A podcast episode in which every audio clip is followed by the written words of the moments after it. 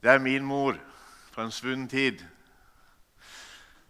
og min far og en kar i midten som holder seg like vakker. Når vi tenker på mor, eller når jeg tenker på mor, så kommer det gjerne opp noen eh, tanker eller ord eller følelser liksom, eh, om mor. Så hadde jeg noen som var veldig lette, for det var bare tre stykker som var framme her. Men tenk vi skulle få en liten oppgave alle her i dag. så hvis alle sitter ved siden av hverandre, to eller tre, så kan du dele hvilket ord beskriver din mor best på best mulig måte. Hvis du skal beskrive din mor med ett ord, hva vil du si da? Så du våge å dele det med sidemannen. Du får bare ett minutt, for jeg har en lang tale jeg skal holde. Hvilket ord beskriver din mor best?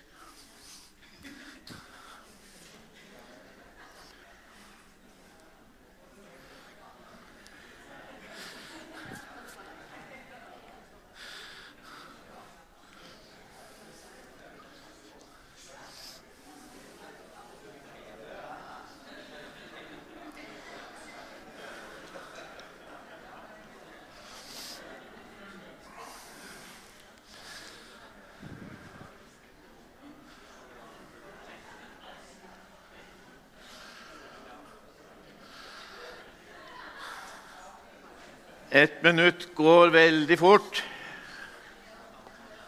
Sant? Er det godhet, er det raushet, er det noe annet? Og så skal du få en oppgave for løpet av dagen. da. For hva kan du si eller gjøre for den du gratulerer med dagen i dag? Så at hun på best mulig måte kan erfare det ordet du beskriver om din mor. Den er litt djup. Jeg kom på den sjøl. Den er ikke helt godt formulert, men eh. Hva kan du gjøre for den du gratulerer med dagen, på en måte som du best mulig kan erfare det ordet du beskrev om din mor? Så kan det være en utfordring for i dag.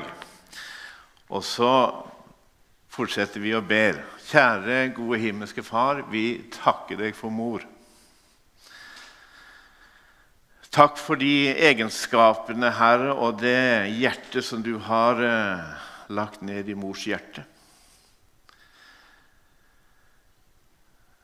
Og takk, Herre, for at eh, Jeg har først lyst til å bare be om velsignelse for hver eneste mor i dag, Herre. Herre, du som kjenner oss alle. Jeg ber om at også denne dagen skal få være en velsigna dag. Og jeg ber Herre at vi som er rundt mor, også skal se og forstå og verdsette mor. Og så takker vi deg, Herre, for at de egenskapene du har lagt ned i mors hjerte, er også en del av dine egenskaper. Så når du elsker oss, du som elsker oss mest, så elsker du oss med en mors og en fars kjærlighet, Herre, for alle ting er i deg. Takk, Herre, for det. Amen. Så hørtes det veldig dramatisk ut. Jeg skulle stikke av. Det skal det jo ikke. Men eh, på torsdag så det, skal jeg og fire andre fra mannsgruppa og to til vi skal reise med, med verdifull last til et land der de ikke har så stor tilgang på bibler som vi har. Så det kan du gjerne være med å be for. Så på torsdag mellom klokken to og fire-halv fem, hvis ting går etter planen, så skal vi forbi Sakkeus med lasten. Så da kan du være med og be om at eh, Sakkeus har oppmerksomheten et annet sted. Og bare apropos det, for det ligger mange bibelleseplaner her ute. Eh, og Jeg håper du leser Bibelen, selv om det ligger mange her ute. Den er beregna på at du kan ta med hjem, for oppi her så er det bønneemner for hele uka for det som skjer på bedehuset.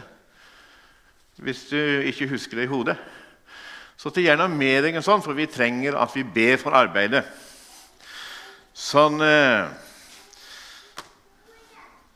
Det ikke bare samles støv der ute i, i gangen. Yes. Da skal vi lese det som er eh, teksten for i dag. Som er fra Matteus kapittel 17, vers 1-9. Seks dager seinere tok Jesus med seg Peter, Jakob og, Johannes, og hans bror Johannes og førte dem opp på et høyt fjell hvor de var alene. Da ble han forvandlet for øynene på øynene. Da ble han forvandlet for øynene på dem. Ansiktet hans skinte som solen, og klærne ble hvite som lyset. Og se, Moses og Elia viste seg for dem og snakket med ham. Da tok Peter til orde og sa til Jesus, 'Herre, det er godt at vi er her.' Om du vil, skal jeg bygge tre hytter, en til deg, en til Moses og en til Elia. Mens han ennå talte, kom en lysende sky og skygget over dem, og en røst lød fra skyen. Dette er min sønn, den elskede. I ham har jeg min glede. Hør ham.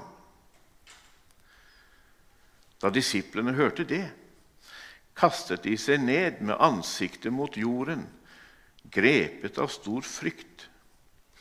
Men Jesus gikk bort og rørte ved dem og sa, 'Reis dere, og vær ikke redde.' Og da de løftet blikket, så de ingen andre enn ham, bare Jesus.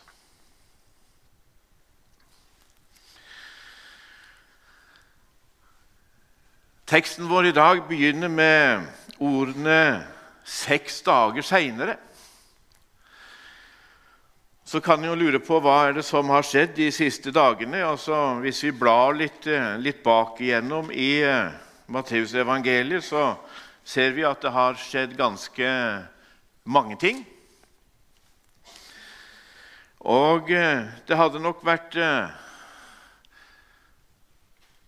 sterke oppsummeringer i disippelflokken. De hadde mye å snakke om etter alt det Jesus hadde sagt og, og gjort, og alt det som eh, de hadde fått eh, vært med på.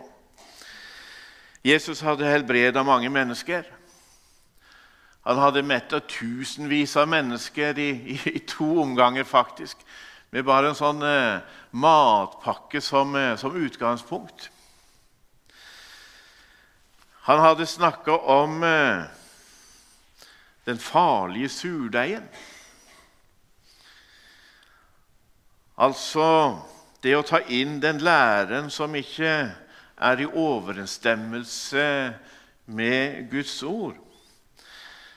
Fariseerne og sadukerene, sånn som hadde på ulikt vis eh, la vekt på noe og la vekt noe annet.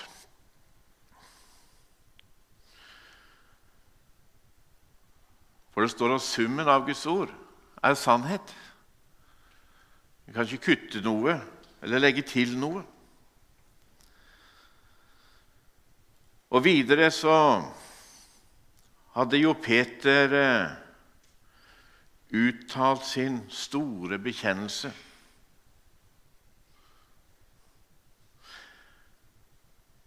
Han har sagt 'Du er Messias' den levende Guds sønn. Og Det var etter at Jesus hadde spurt dem hvem sier folk at jeg er. Og Så fikk han jo forskjellige innspill på det, hva folk sa om han. Og så sier Jesus til dem, 'Og dere, da? Hvem sier dere at jeg er?' Og det er da Peter sier dette. 'Du, Jesus, du er Messias.' den levende Guds sønn. Og like etterpå så opplevde Peter å bli kalt for Satan av Jesus. Fordi han frista Jesus til å innkassere seieren uten lidelsen. Dette må aldri skje, det. ikke sant? Og Som en fortsettelse av dette så underviser Jesus om hva det vil si å, å følge ham. Jesus sier om noen vil følge etter meg, så må han fornekte seg selv og ta sitt kors opp og følge meg. For den som vil berge sitt liv, skal miste det. Og den som, mist, den som mister livet eller sitt liv for min skyld, skal finne det. Hva vil det gagne et menneske om det vinner hele verden, men taper sin sjel? Så Det er litt av det som skjer sånn i, i fortiden av teksten i dag. Og så drar de på fjelltur. Peter, Jakob og Johannes sammen med Jesus. Og det er fint å gå i fjellet. Da får du god utsikt hvis det ikke skodde. Du får klarna tanken og frisk luft og alt dette her. sånn til mange gode ting med å, å gå i fjellet. Og Nå er jeg ikke sånn eh, sikker på om eh, det samme fjellet, men Jesus hadde jo vært på, på fjelltur før. Det har ikke vært mange ganger, fordi at Jesus han eh, prioriterte å være alene sammen med sin far. og Da står det, gikk han gjerne et sted hvor han kunne være alene. Og kanskje også oppe i fjellet. Men vi vet i hvert fall om en annen fjelltur som Jesus var på. Og Da var det jo ikke Peter, Jakob og Johannes som var sammen med Jesus, men da var det djevelen som eh, tok Jesus med på fjelltur. Djevelen som også med rette kalles for fristeren. Og Det står det om i Matteus kapittel 4 så tok djevelen han med seg opp på et meget høyt fjell og viste han alle verdens riker og dets herlighet, og sa:" Alt dette vil jeg gi deg dersom du faller ned og tilber meg. Det er litt av et tilbud. All verdens riker og all dets herlighet. Har du reist litt rundt i verden og sett hvor mye fint det er? Fantastisk. Tenk deg Se Jesus! Se utsikten da. Se så flott det er. Tenk deg for en, en mulighet, Jesus, til å kunne skape en bedre verden. Alt dette blir ditt. Kan du få lede hele verden?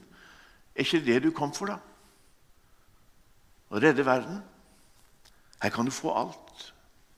Alt ligger klart for deg. Se Jesus. Se på utsikten. Og best av alt du kan få gjøre det uten at du omveier om korset. Er ikke det et godt tilbud? Alt dette skal bli ditt. For en befrielse! For en forløsende idé, Jesus.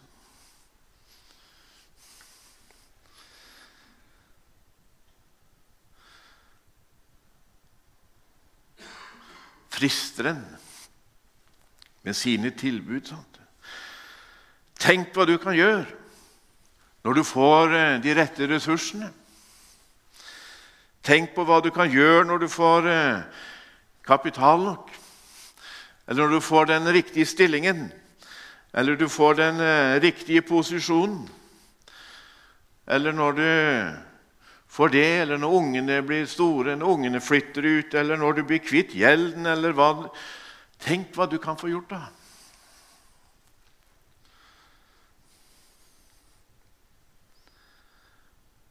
Mammons fristelse heter det. Det er bare det at det er en hake ved avtalen her. For mammon er som djevelen selv.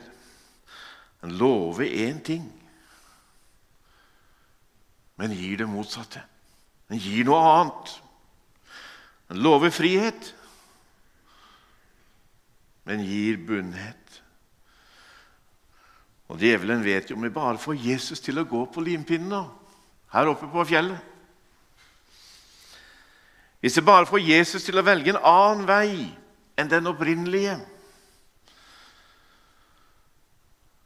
så kan du gi alt dette her fra meg til Jesus og likevel vinne. For det var jo aldri mitt i utgangspunktet. Du ser, Djevelen kan aldri skape noe. Han kan bare forvrenge og ødelegge, prøve å kopiere det opprinnelige og utgi seg for å være noe annet enn det han er.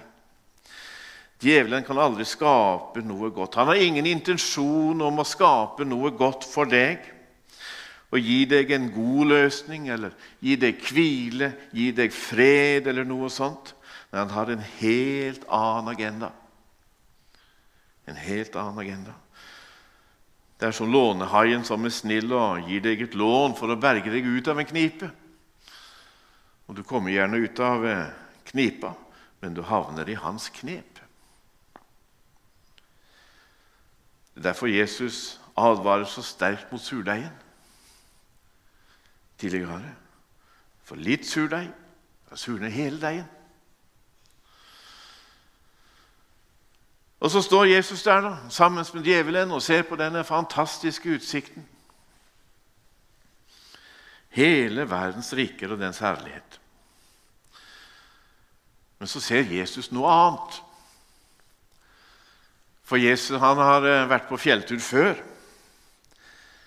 Og han har snakka med sin far, vært i fellesskap med Gud. Derfor ser han noe annet. For dere som var på fellesmøtene, husker gjerne hva Svein Granerud sa.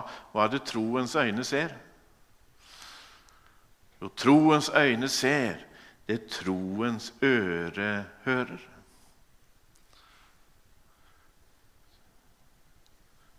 Det var godt sagt.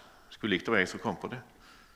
Troens øyne ser, det troens øre hører.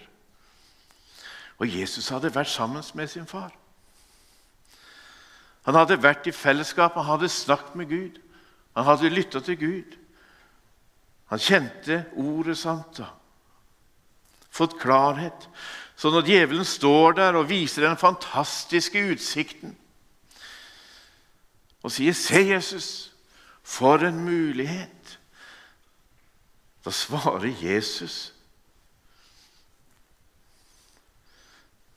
Tilbe deg? Nei, Herren din Gud skal du tilbe, og bare Han skal du tjene. For hva gagner et menneske om det vinner hele verden, men taper sin sjel?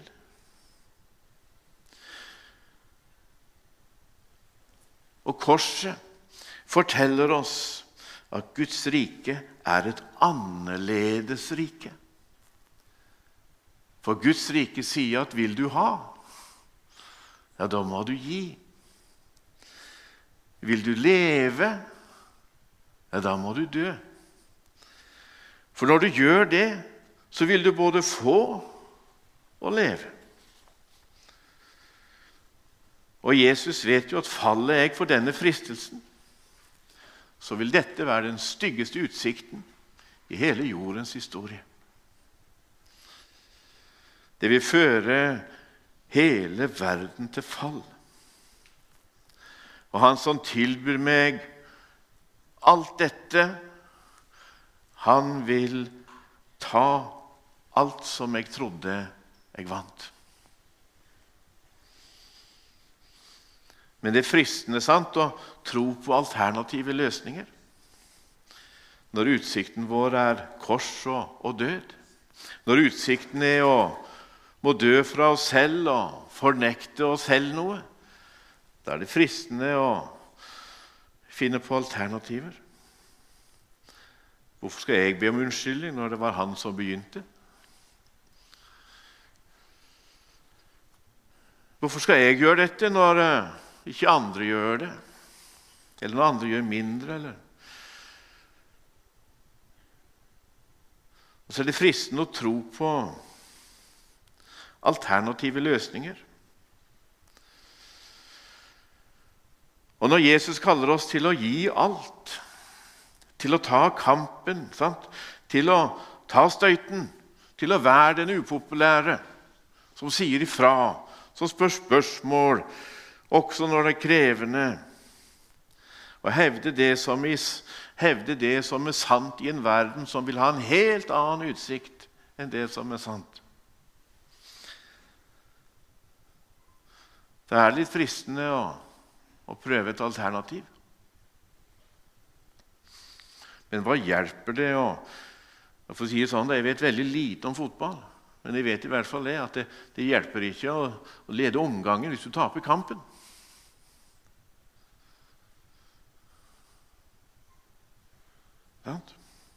Hva hjelper det å vinne hele verden hvis en taper sin sjel?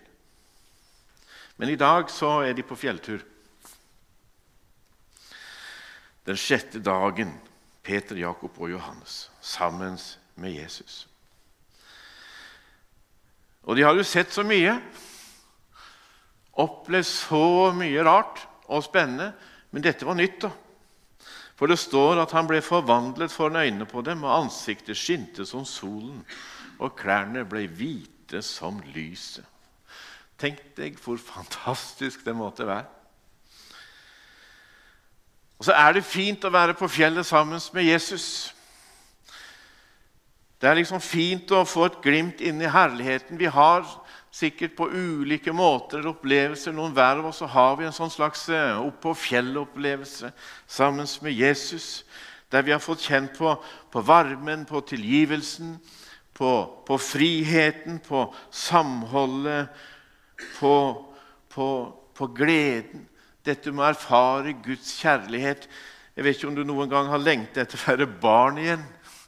Å bare være gjenstand for godhet, omsorg, der du på en måte var eh, eh, du, du slapp å gjøre noe, og alle disse her tingene som vi får lov til når vi er barn. Bare bli elska. Det er fantastisk å være på kristne konferanser med 1000, 2000, 5000, 10 000 mennesker. Det er nydelig. Det er som eh, om virkeligheten på en måte blir forandra. Og vi går inn i en sånn annen eh, holdt på å si dimensjon. Men eh, det er en spesiell Går inn i bobler, da, for å si det sånn. da. Og det er godt. Jeg husker for mange år siden da Daværende generalsekretær Ege Grandhagen og Torbjørn Lied hadde vært i Sør-Korea på en sånn fullsatt stadion. De fortalte derifra. Og de sa det var nesten som å være i himmelen. Det var så fantastisk. Og så har jeg selv vært på, flott, hatt flotte opplevelser noen av dere har vært med meg i grottekirken i Egypt. Jeg har vært på bønnemøte med 15 000 mennesker i denne søppelbyen. Det var helt fantastisk. Så jeg forstår godt det, at Peter vil bygge hytter. Det er ikke problem med å forstå det. Bli værende der. Tenk om vi kunne hatt oase hele tiden. da. Eller eh, kveldsmøtene på, på GF, eller eh, åpen himmel eller hva vi nå enn reiser på. Sant? Det som vi opplever som veldig godt. Så vi bare får være der og være sammen med andre som bare er der. Klart vi vil være der.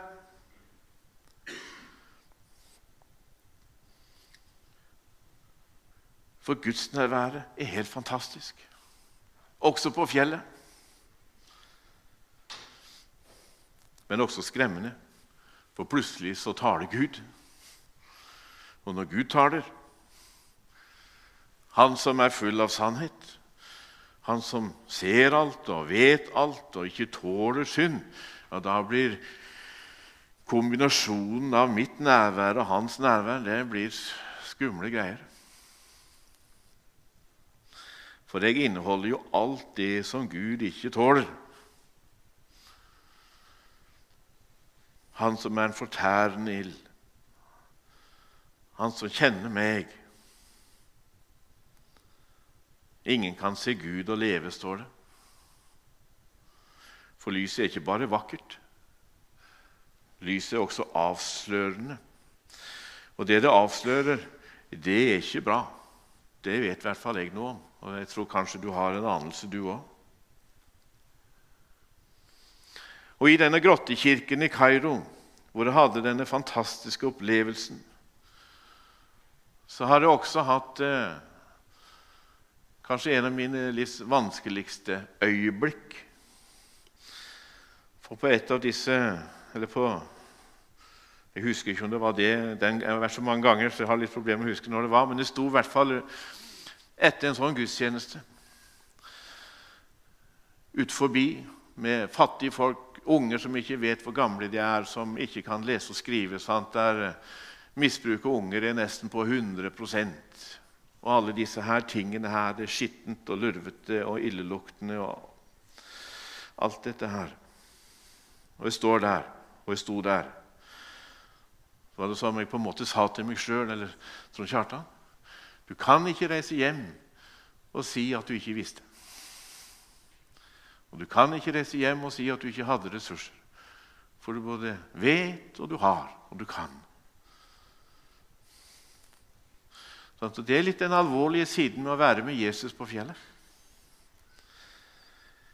For Jesus er ikke bare full av nåde, han er også full av sannhet. Gud er en hellig Gud, en fortærende Gud som ikke tåler synd fordi han elsker alle mennesker like høyt. Og han går ikke på kompromiss med sitt ord og sin vilje. Han er ikke som makten på stranden som ser igjennom fingrene med noe. Han sier ikke at ja, nå er det blitt 2023, så nå har jeg fått litt større innsikt i mitt eget skaperverk, så nå gjør jeg litt annerledes ting. ja. Nei. Gud vet, og vårt innerste vet at Gud vet. Så når han taler, så skaper det en reaksjon, og vi blir redde. Disiplene falt til jorden, for de visste jo hva de var bærere av. Og Det er klart det er fristende å unngå den situasjonen. Fristende å bare plukke en del av, eh, av Gud og la det andre ligge. For se, Fristeren vet å male fine bilder for oss. Trenger jo ikke gå om korset. Skulle bare ta det. Men troens øyne ser det troens ører hører. Troens ører som hører Jesus, og som hører Guds ord, og som hører hele Guds ord og grunner på det. Disiplene falt til jorden med ansiktet med jorden slått av skrekk. Jeg hadde en opplevelse for uh, det er mange år siden nå, da jeg kjørte lastebil. Jeg har sikkert delt det før, men det får bare stå sin prøve. Da var min eldste gutt han var uh, sju-åtte år, noe sånt, ni kanskje.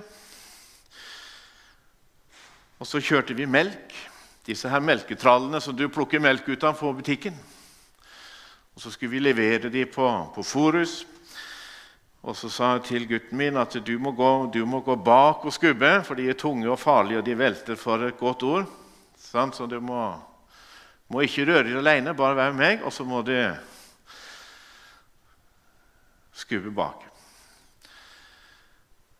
Men gutten hadde jo lyst til å hjelpe til. sant? Selvfølgelig. Så hvis jeg var oppe med noen, så hørte jeg lastebilen, så hørte jeg det begynne å rulle ei tralle. Og så hører jeg en dunk og en smell. Heldigvis var ikke han under, da. Det velta ei sånn tralle, og det fløyt med melk og, og greier. Og så så jeg på gutten. Den fortvilelsen i øynene hans. For han visste jo jeg skulle ikke gjøre det. Han, han, ville jo noe godt, og så visste han at han hadde fått beskjed. Han har aldri likt sånne sterke ord. Så, så, på en måte, Du kan se for deg det ansiktsuttrykket til en gutt som eh, aldri har likt å få kjeft. Og så sa jeg jo selvfølgelig Men jeg sa jo til deg det er jo sånn typisk å si det. Jeg sa jo, Du måtte ikke ta, du må være forsiktig.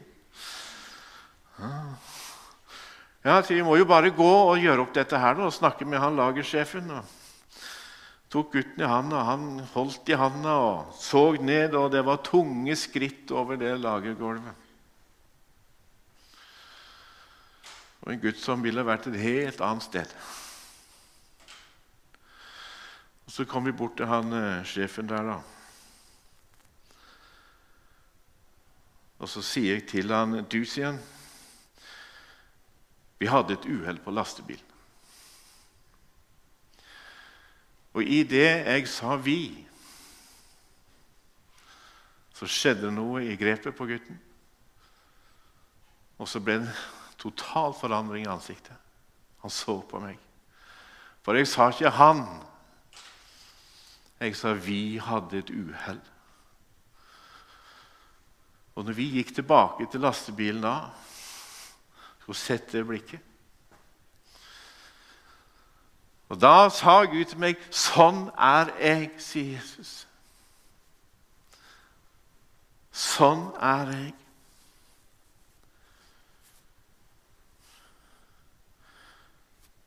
Han rørte ved dem og sa, 'Reis dere, og vær ikke redde.'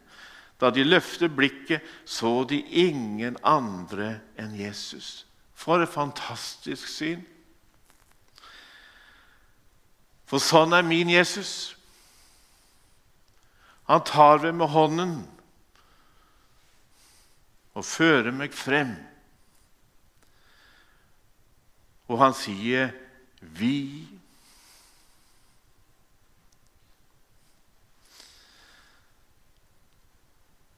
Og han kan si, når Gud taler, og jeg blir redd, og når jeg gjemmer meg, så kan han si alt det du sier om Trond Kjartan, er sant.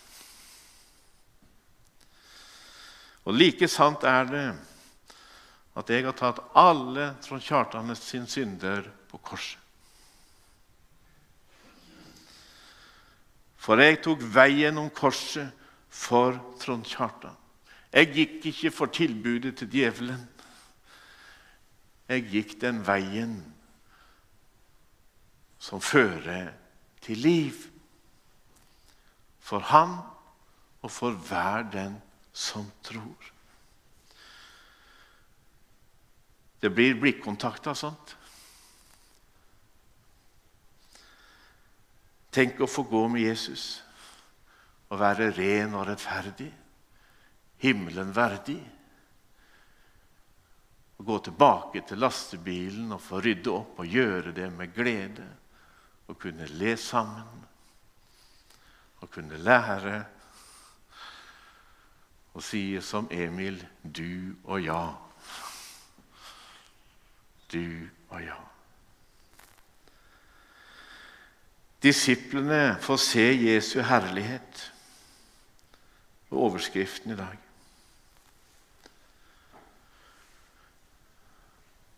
Har du behov for å løfte blikket?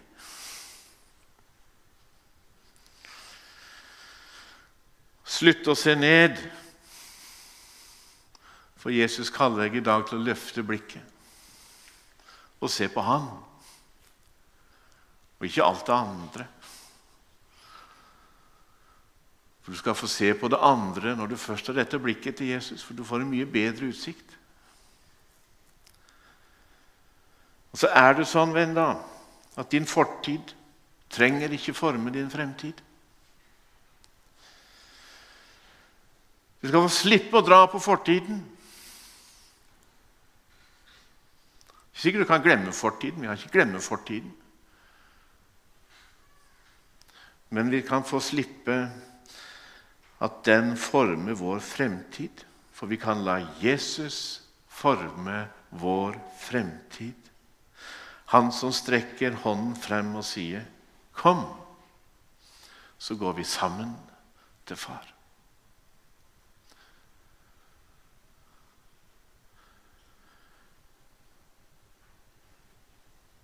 Gode Jesus.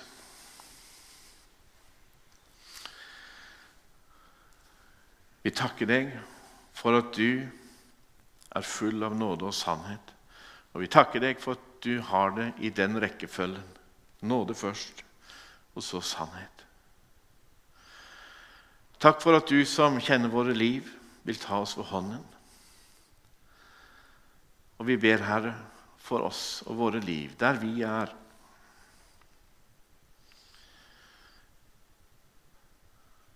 Herre, at vi i de situasjonene skal få lov til å, å løfte blikket og få se deg. Bare Jesus. Vi takker deg, Herre, for at det holder.